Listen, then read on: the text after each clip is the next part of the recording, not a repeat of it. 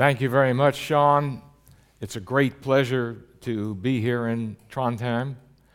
Uh, the last time I was here was in 1980.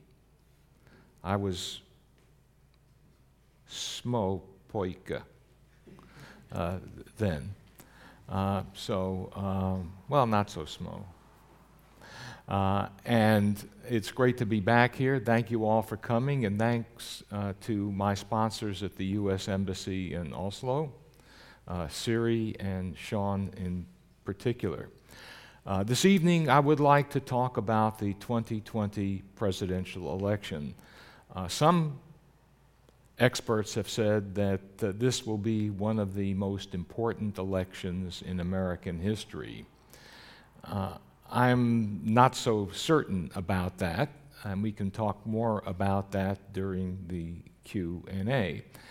Uh, but let's take a look at what we might expect from the election and what the implications of that election might be, because they not only, the elections will not only affect the U.S., but could affect a good part of the world uh, as well the key thing to keep in mind as we go through this program is that although a presidential election includes all of America, the actual running of the election is done by the states.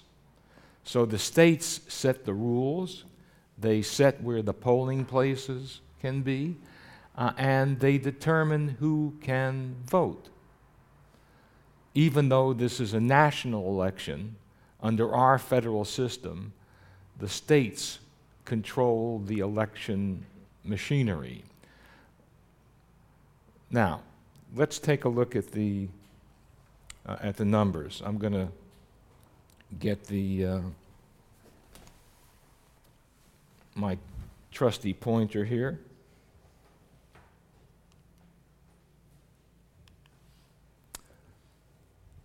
Now, what does it take to win the presidential election? It takes 270 votes. Well, there are more than 270 people on my street in Charlotte, North Carolina. What, what does that mean, 270 votes? Well, we do not elect the president directly. Uh, when I went to the voting booth in 2016, I did not vote for Hillary Clinton or Donald Trump. I voted for the electors pledged to Hillary Clinton or the electors pledged to Donald Trump. Who are these electors? You would never know them. I don't know who they are. Their names are, are listed if you want to uh, look it up and spend some time, but they're usually party functionaries. And they get together uh, on December 6th, well after the election, and they cast the ballots that officially elect the President of the United States.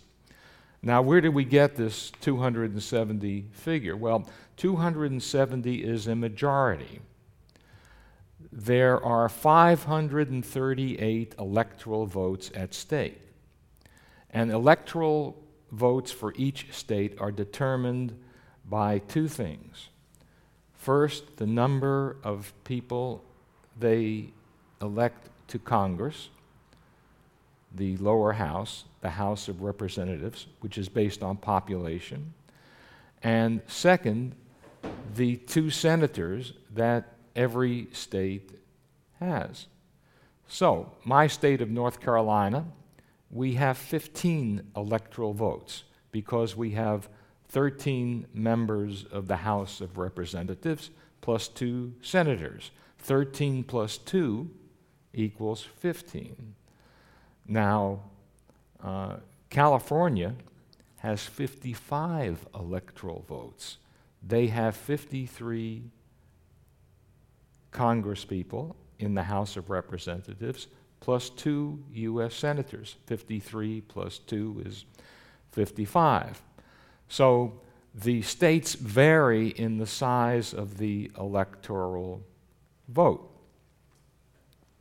And 538 uh, represents the 435 people in the House of Representatives, plus the 100 senators, that's 535, plus three representatives from the District of Columbia, our nation's capital. So it's uh, 435 plus 100 plus 3, you get 538, and a majority of 538 is 270. Now, not only are we electing a president in 2020, but also in 2020 we are electing the entire House of Representatives. All 435 seats in the House are up for election.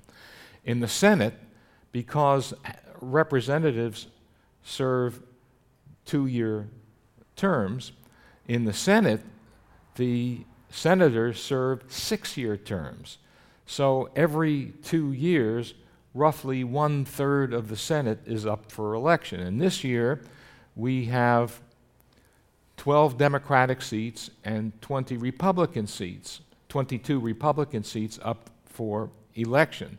That's 34, roughly one third of 100.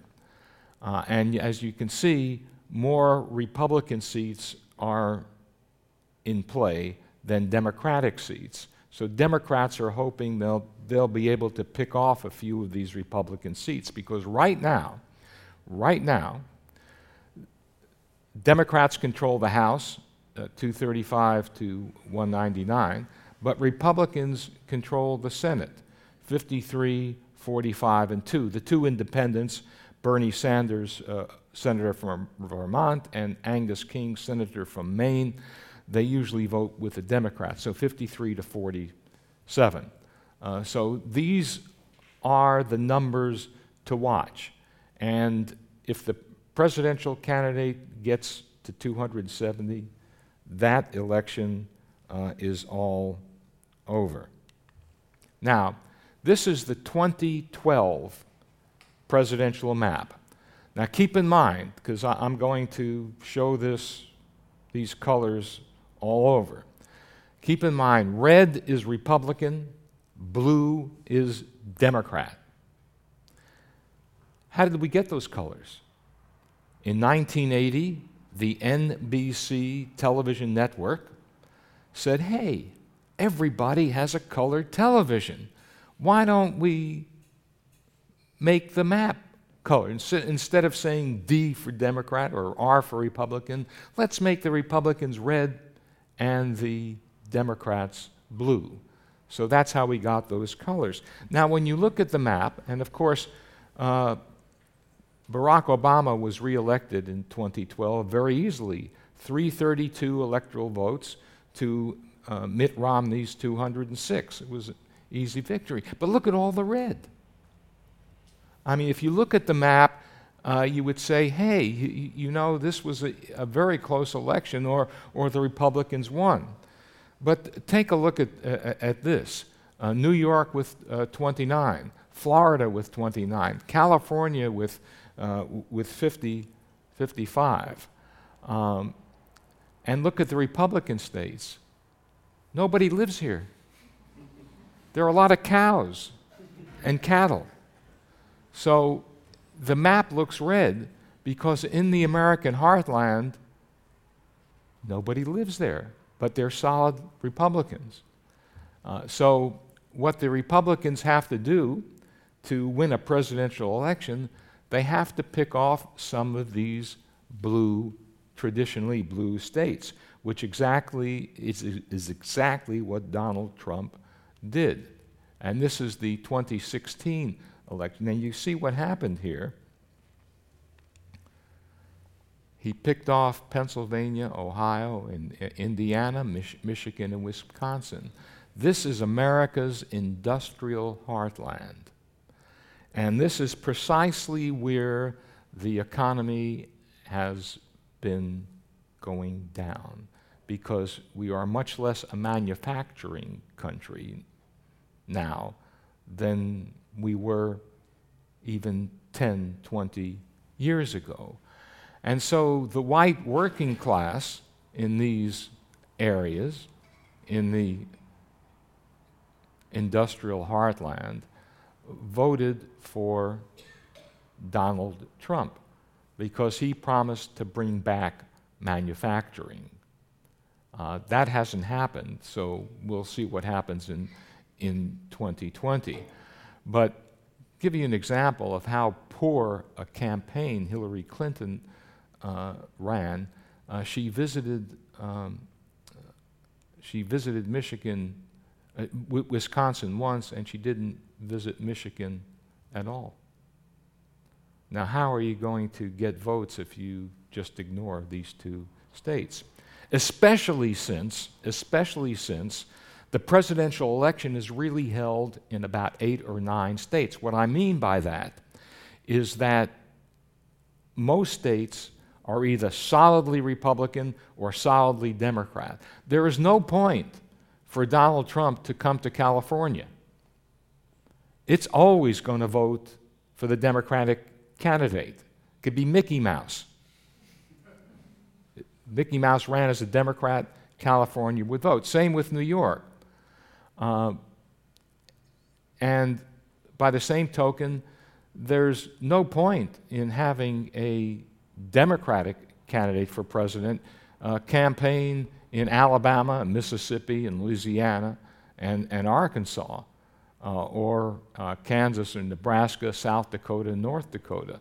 It, it just, it's just a waste of time because these states will always vote Republican. So what happens is the presidential election is fought in about nine states.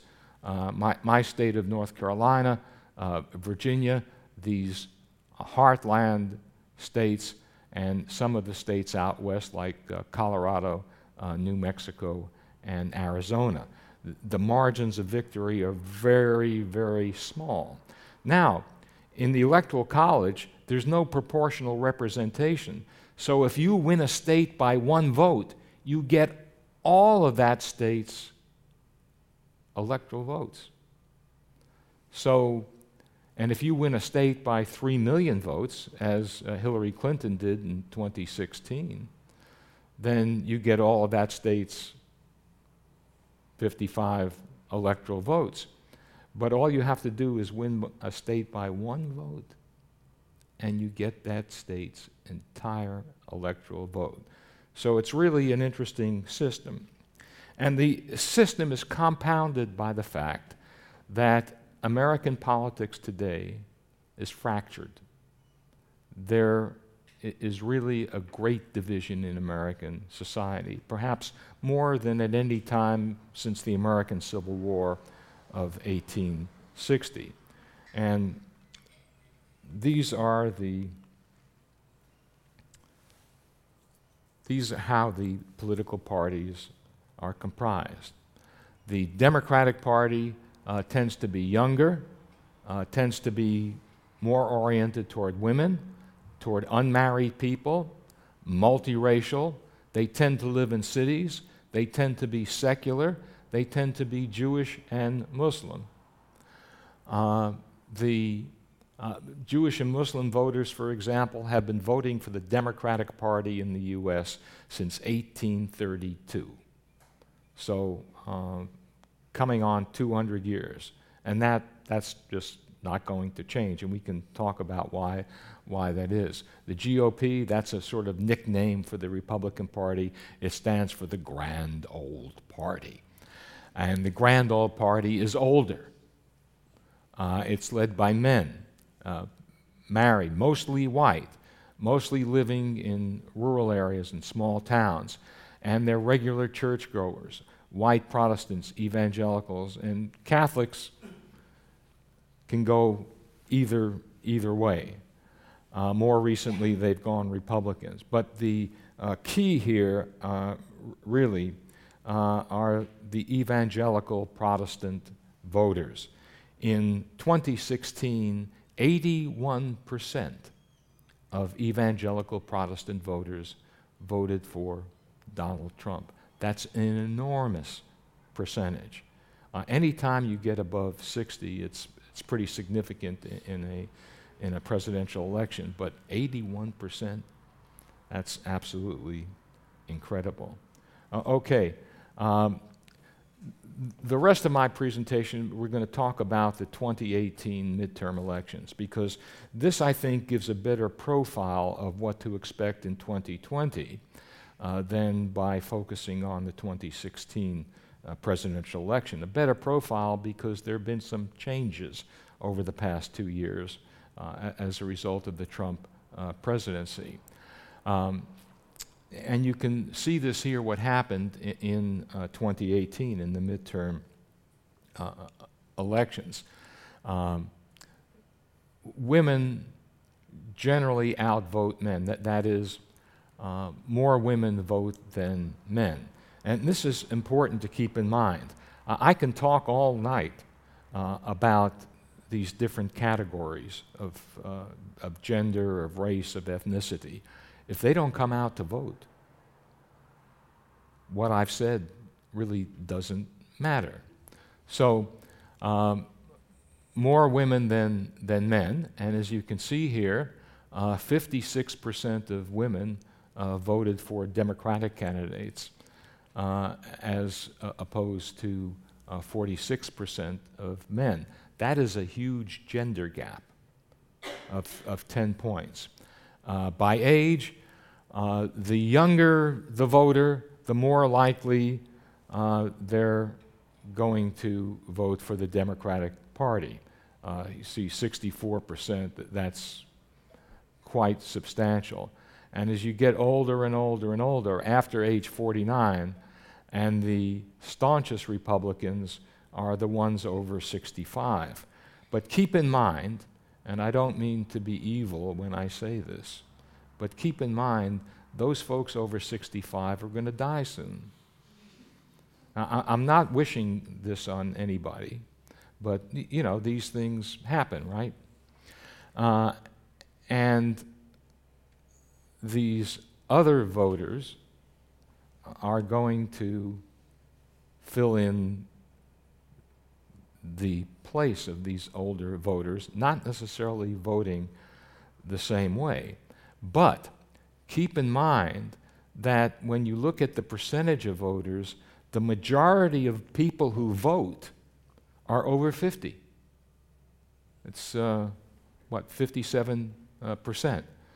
Uh, th- the fact is that young people tend not to vote. Uh, in this midterm election, they voted in more substantial numbers than, than usual, but still, they comprise a relatively small percentage of the uh, electorate. Uh, so, let's look at race. Well, what the Democratic Party needs to do in 2020, they need to get at least 40% of the white vote. And you see, they did very well because they got 43% of the white vote. Uh, the black vote, 90% uh, is actually a little low. Usually the black vote is about 94, 95% for uh, Democratic candidates. Uh, Latino, Hispanic, uh, again, very strong voting. Uh, urban, the Democratic Party is the urban category. But look at this. Look at this. 53% of suburban. Republican Party really was the party of suburban families. Not anymore.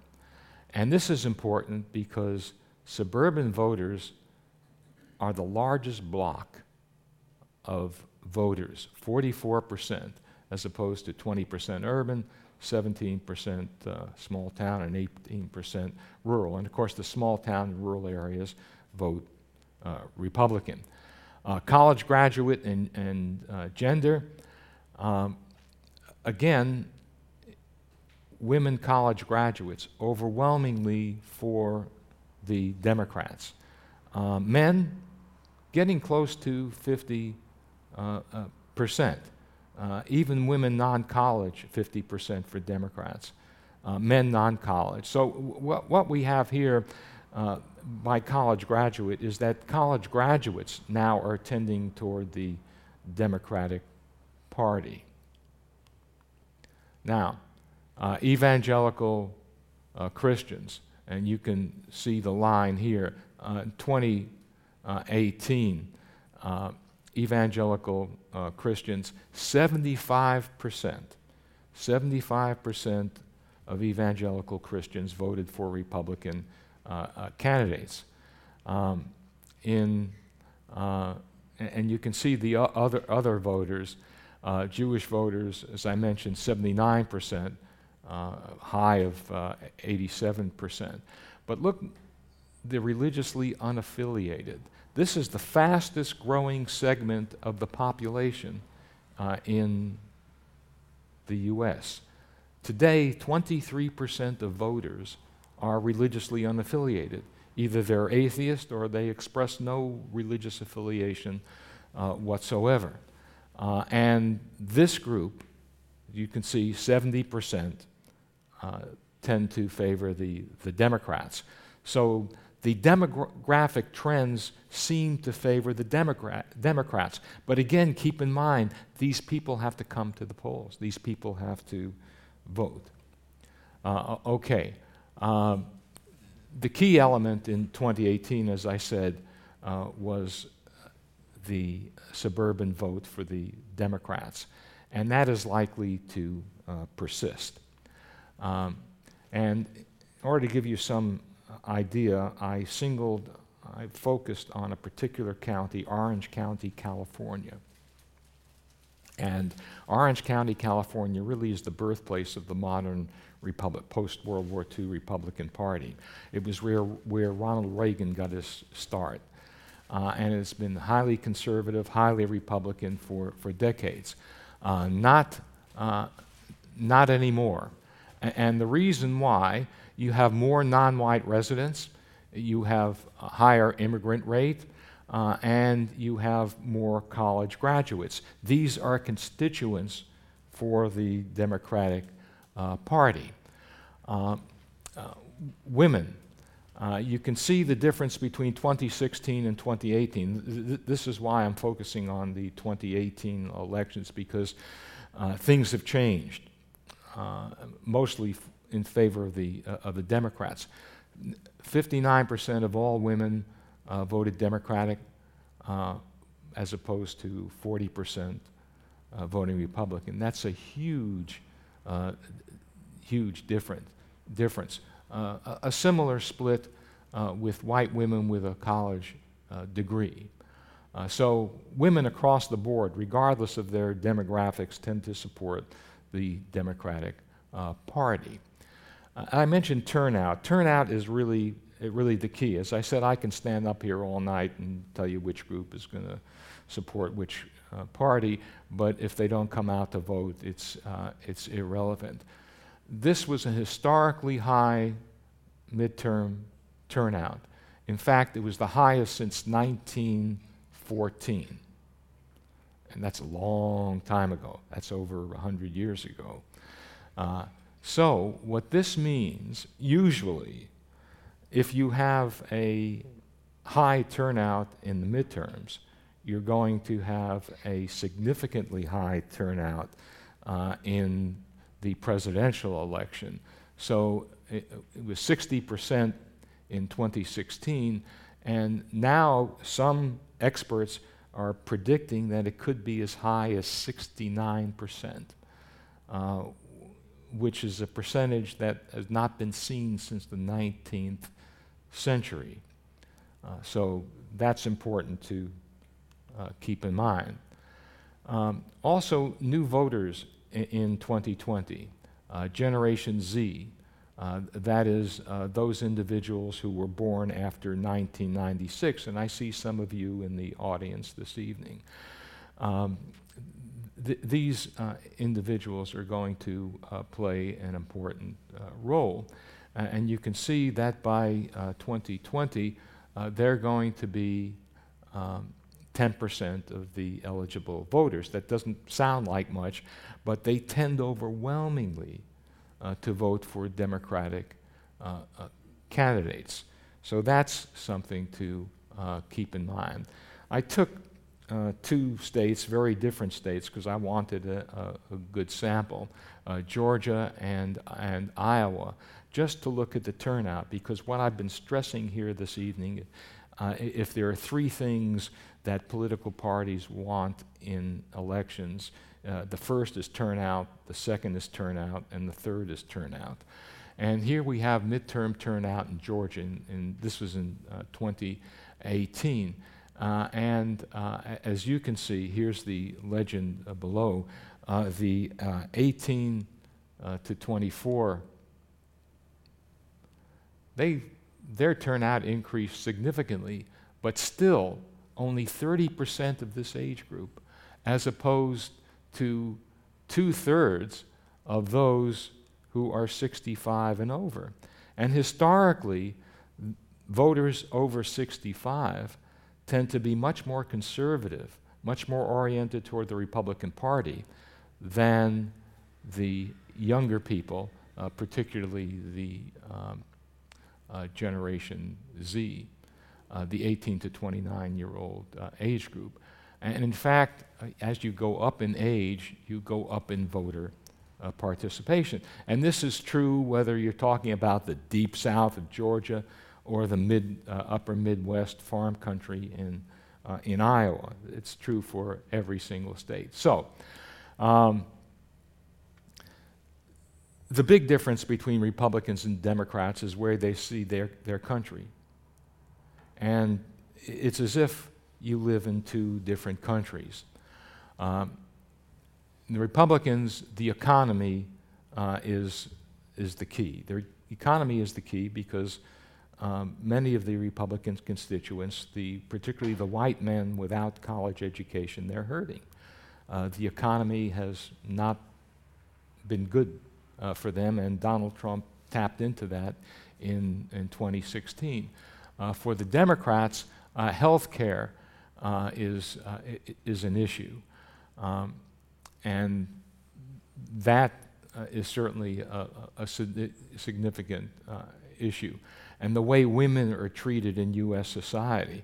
Now, you see here, it's right at the top of the list. It's, it's tied with health care uh, as the most important issue. For Republicans, um, it, it's, not, it's not a particularly uh, key issue. Uh, climate change is just a non starter for Republicans uh, but for, uh, for a vast majority of Democrats. So, uh, usually in a presidential election, the debate is, o- is not over the relative strength of the issue, but over the issues themselves. Uh, and what we have here is that you have constituents for each party, they can't even agree what's important for the country, what issues are important for the country. So, what we're going to see, this is what I'll, I'll predict, what we're going to see, we're going to see the Democratic candidate focus on these issues, and Donald Trump is going to focus on these issues. And the election is going to be decided really by who comes out to, uh, uh, uh, to vote. Now, already, I, I didn't have enough room, but um, y- you have um, uh, 20 Democratic candidates uh, already declared. Uh, this, is, this has changed. Uh, over the weekend, Bernie Sanders took the number one uh, um, position. But I, I think, uh, personally, I, I, think that one of the reasons why Joe Biden and Bernie Sanders are up top is name recognition. Everybody knows who they are. I think these other candidates, as the campaign goes on, uh, their responsibility will be making themselves known and what they, uh, what they stand for. Uh, and there are uh, two groups of Democrats centrist Democrats like Joe Biden, for example, uh, and uh, Amy Klobuchar. and there are left Democrats like Bernie Sanders and Elizabeth Warren. Uh, so this will be an interesting race because primaries, let me you can see this is the most diverse field in Democratic Party uh, history. You can see uh, down here um, non-white men and, and women. Um, it's just a sea change since the 1970s and 1980s. Uh, um, and uh, as far as the democratic demographic composition of Democratic uh, voters, uh, you can see that non-whites uh, now form the key core group, whereas whites with no college, see how high they were?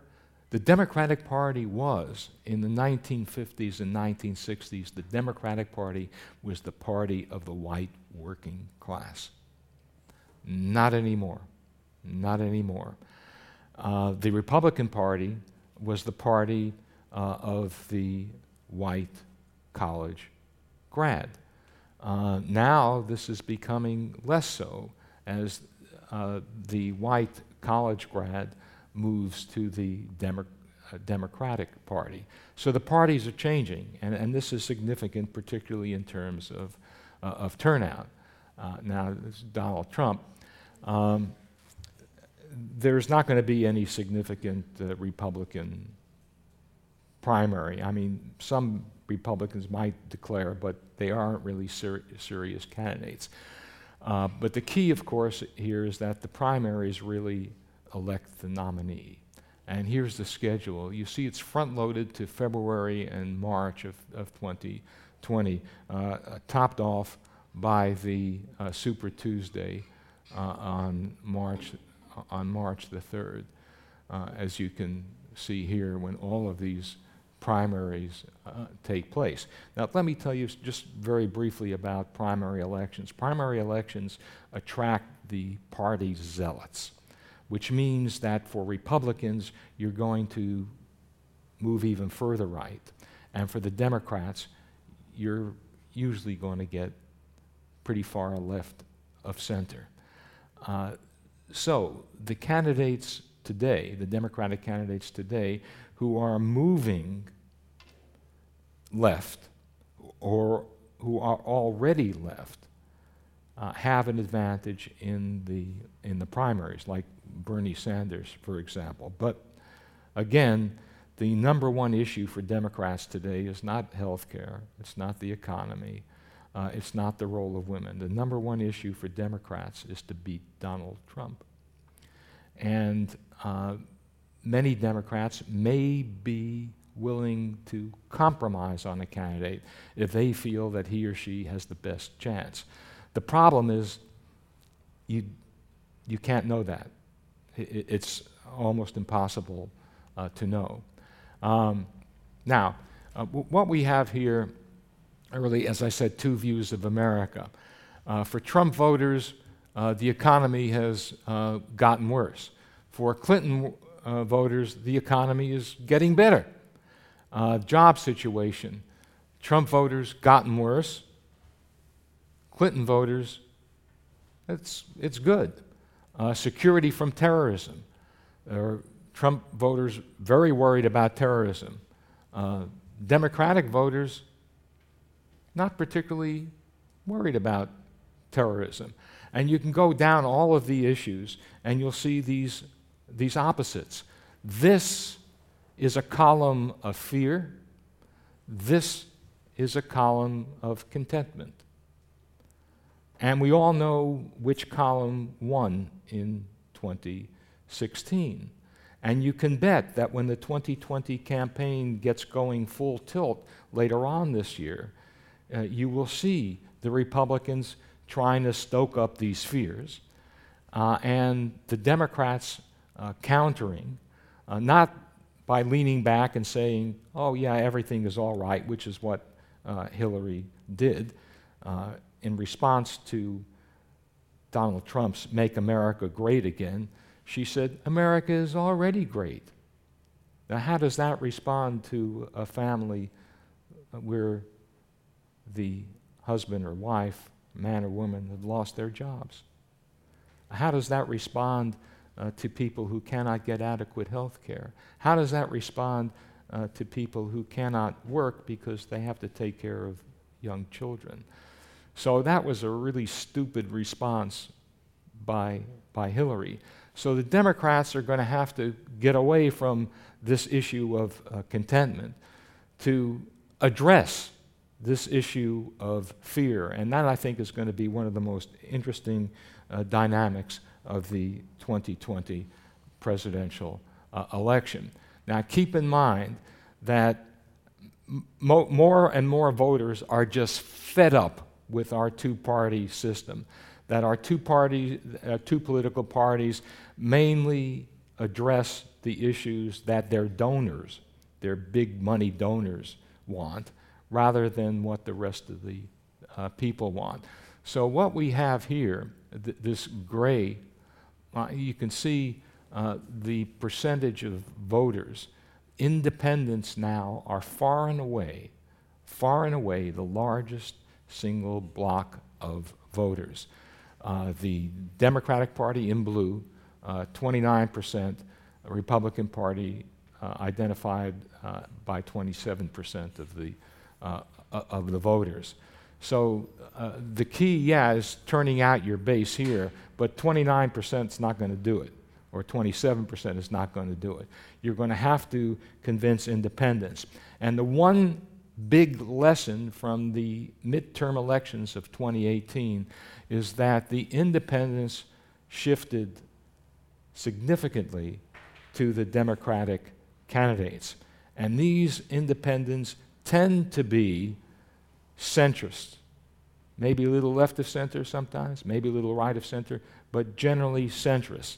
So that's going to be the challenge uh, for the Democratic Party. Thank you very much.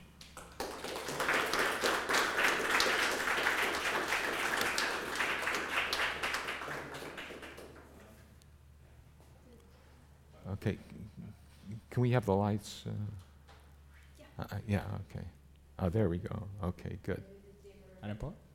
Yeah. Good. Thank you so much for that uh, multifaceted and uh, wonderful presentation. We uh, now have around 20 minutes uh, for questions, uh, which Professor Goldfield will answer. so if you could please just raise your hand and I'll bring the mic to you.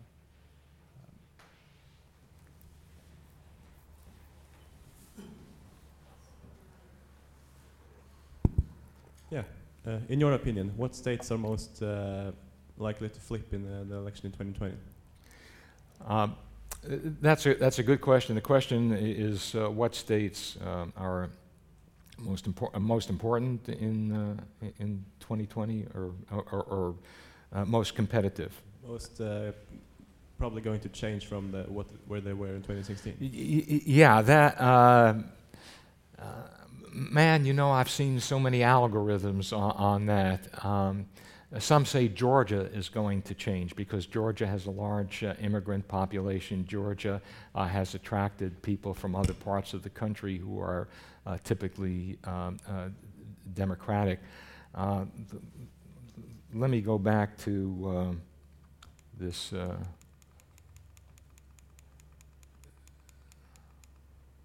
state, state map here um, for, uh, for, for 2016. Okay. Um, uh, Georgia is, is a possibility. Um, uh, North Carolina is another uh, possibility. Uh, Pennsylvania, there was a strong Democratic uh, turnout. Ohio, no. Ohio is going to be Republican. Michigan, Wisconsin, those er- these states could possibly flip. And ev- even people are talking about Texas. I don't think that's going to happen. Um, and perhaps Florida. Florida has gone back and forth over the past uh, uh, 20 years. So those are the battleground states. They're important because the presidential campaign only takes place in about eight or nine states. That's it. There's no national campaign. Uh, as I said, uh, Donald Trump is not going to visit uh, California and the Democratic candidate is not going to visit Mississippi. It's just a waste of time and money. They're going to concentrate on those eight or nine uh, flip states, uh, like North Carolina. We had so many visits of Donald Trump and Hillary Clinton that we were all sick of the election by the time election day rolled, rolled around. So these are the eight or nine states uh, North Carolina, uh, Virginia, uh, Pennsylvania, uh, Michigan, Wisconsin, maybe Georgia, uh, Arizona. Uh, and th- these are the states that will, uh, and Colorado and New Mexico, these are the states, eight or nine states, uh, that will be competitive, and that, that's where the election is going to be won or lost.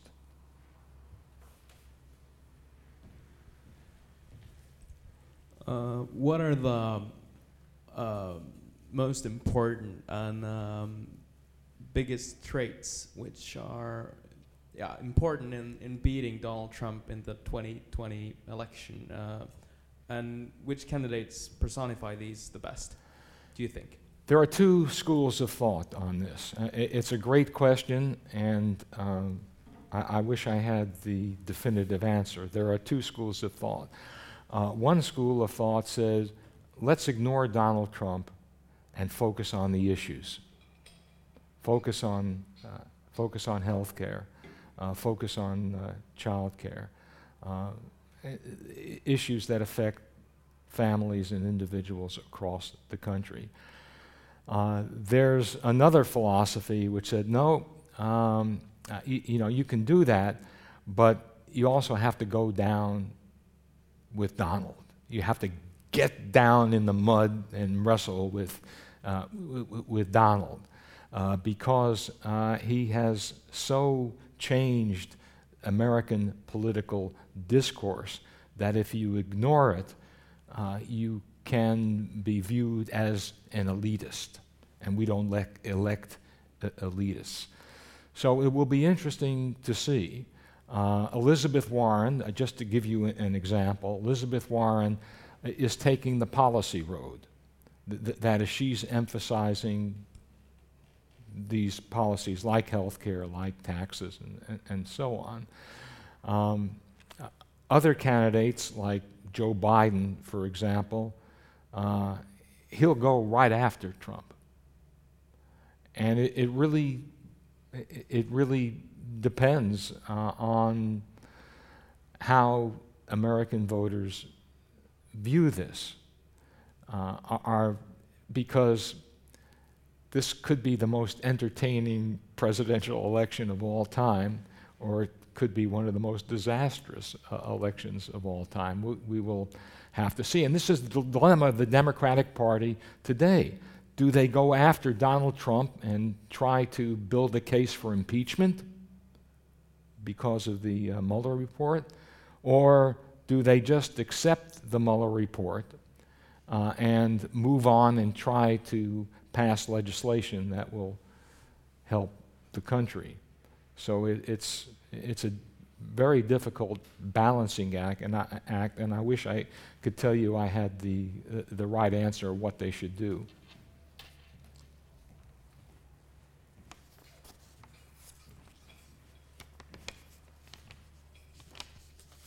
Thank you for this lecture.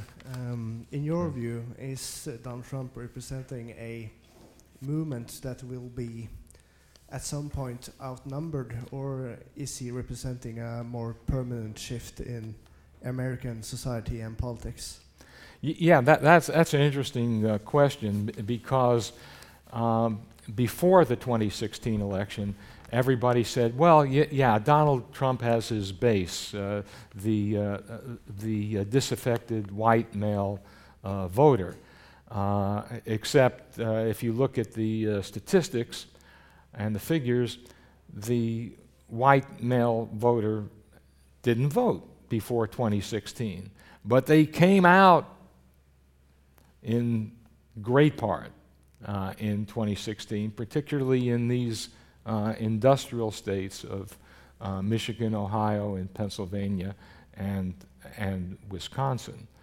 So from so the idea that uh, well, you know, we can uh, every almost all the pundits said that Hillary Clinton would win and win uh, easily because they thought, well, y- you can't win an election just uh, on uh, white male working class voters in, in this uh, heartland. Two things happened in 2016. The um, minority vote, particularly uh, African American vote, went down. Uh, Hillary just took that vote uh, for granted. And the other thing that happened was the uh, white working class vote went, went up. And when you look at the totals in, again, Wisconsin and Michigan, you're talking about uh, differences of 21,000 votes out of millions of votes cast. So a, slight shift either way uh, could have made Hillary Clinton very easily uh, president. So this time around, however, in 2020, the Democrats are not going to make that mistake uh, again. They're not going to take these voters for granted. Whoever is the candidate, you're going to see that candidate in Michigan and Wisconsin and Pennsylvania. You're going to see uh, frequently.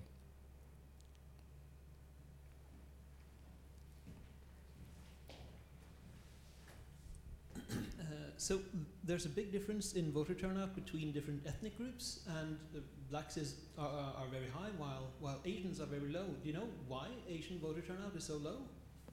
Why is the Asian Vo- voter turnout so low? among Asians, did you say? Yes. Uh, well, the voter turnout among Asians is not particularly low. Uh, the voter turnout among his, uh, the lowest voter turnout uh, is uh, Hispanic. Uh, and uh, that may be uh, complicated by several things. Uh, first, uh, there's always concern that uh, if I present myself publicly, um, maybe they'll start asking questions about my citizenship. Uh, and I'll have to show papers or, or something like that. Uh, secondly, uh, there is somewhat of a language uh, barrier there. Um, third, generally speaking, poor people have poor voter turnout. They're more focused on day to day survival issues uh, rather than uh, taking off time to vote in the presidential election. Because, unlike in most countries, election day is not a holiday in, in America. So, you have to take off from work. Uh, even in those states that have early voting, you usually have to drive to a polling place, and people don't have uh, cars. So, the system usually undercounts uh, poor, poor people, uh, which is why African American, uh, Hispanic uh, turnout tend to be so, so low.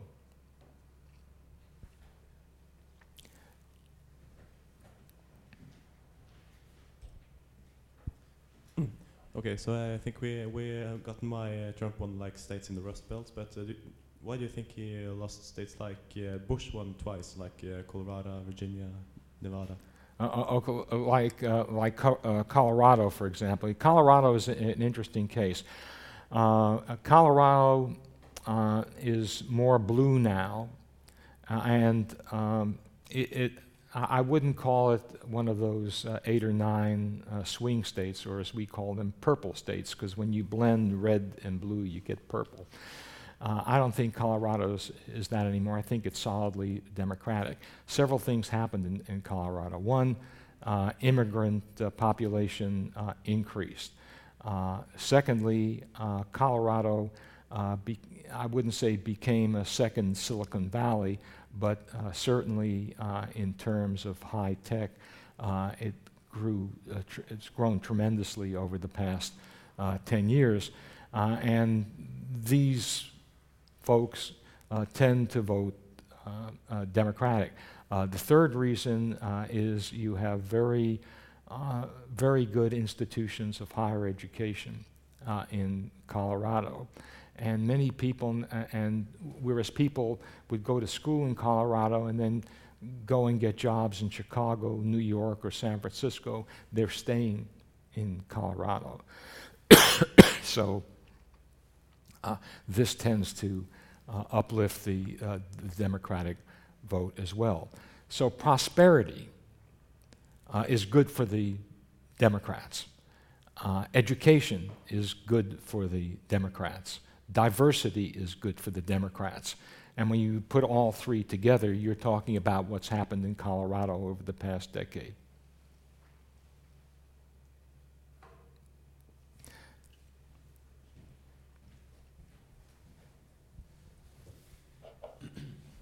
Yeah, so you talked um, quite a bit about the, the difference in, in uh, like uh, young people favor Democrats. Uh, so I'm wondering, do um, do people's party preference like uh, does it stay fixed throughout life? Should we expect the Democrats to, to be like entering some very very good decades in the years to come, or do people change their minds and change their parties? Y- yeah, that's a, that, that's a great question, and uh, the research indicates that usually, not in every case, but usually, um, anywhere from 55 to 70 percent of voters, their first party vote will determine their party vote for the rest of their lives in, in elections. Uh, so this is very good news for, uh, for Democrats. Um, people said, have said demography is destiny. The problem with that is that these demographic groups have to go out and vote. And, and I, saw, I saw it myself with, with my students. I remember back in 2008 when uh, Barack Obama first ran for president. Yeah, my students were really excited. They were going out to vote, they were going out to canvass. Fast forward to 2016. Oh, I don't know. I'm, I'm going to a party the night before, and uh, you know I need to sleep, and I've got studying to do, and suppose it rains, I can't get a ride, and no enthusiasm whatsoever. So uh, it, it really depends on how you know you, you hear it so often it, it becomes almost a cliche get out your base get out your base well young people the part of the base of the democratic party and uh, hillary clinton couldn't do that she couldn't get out the young vote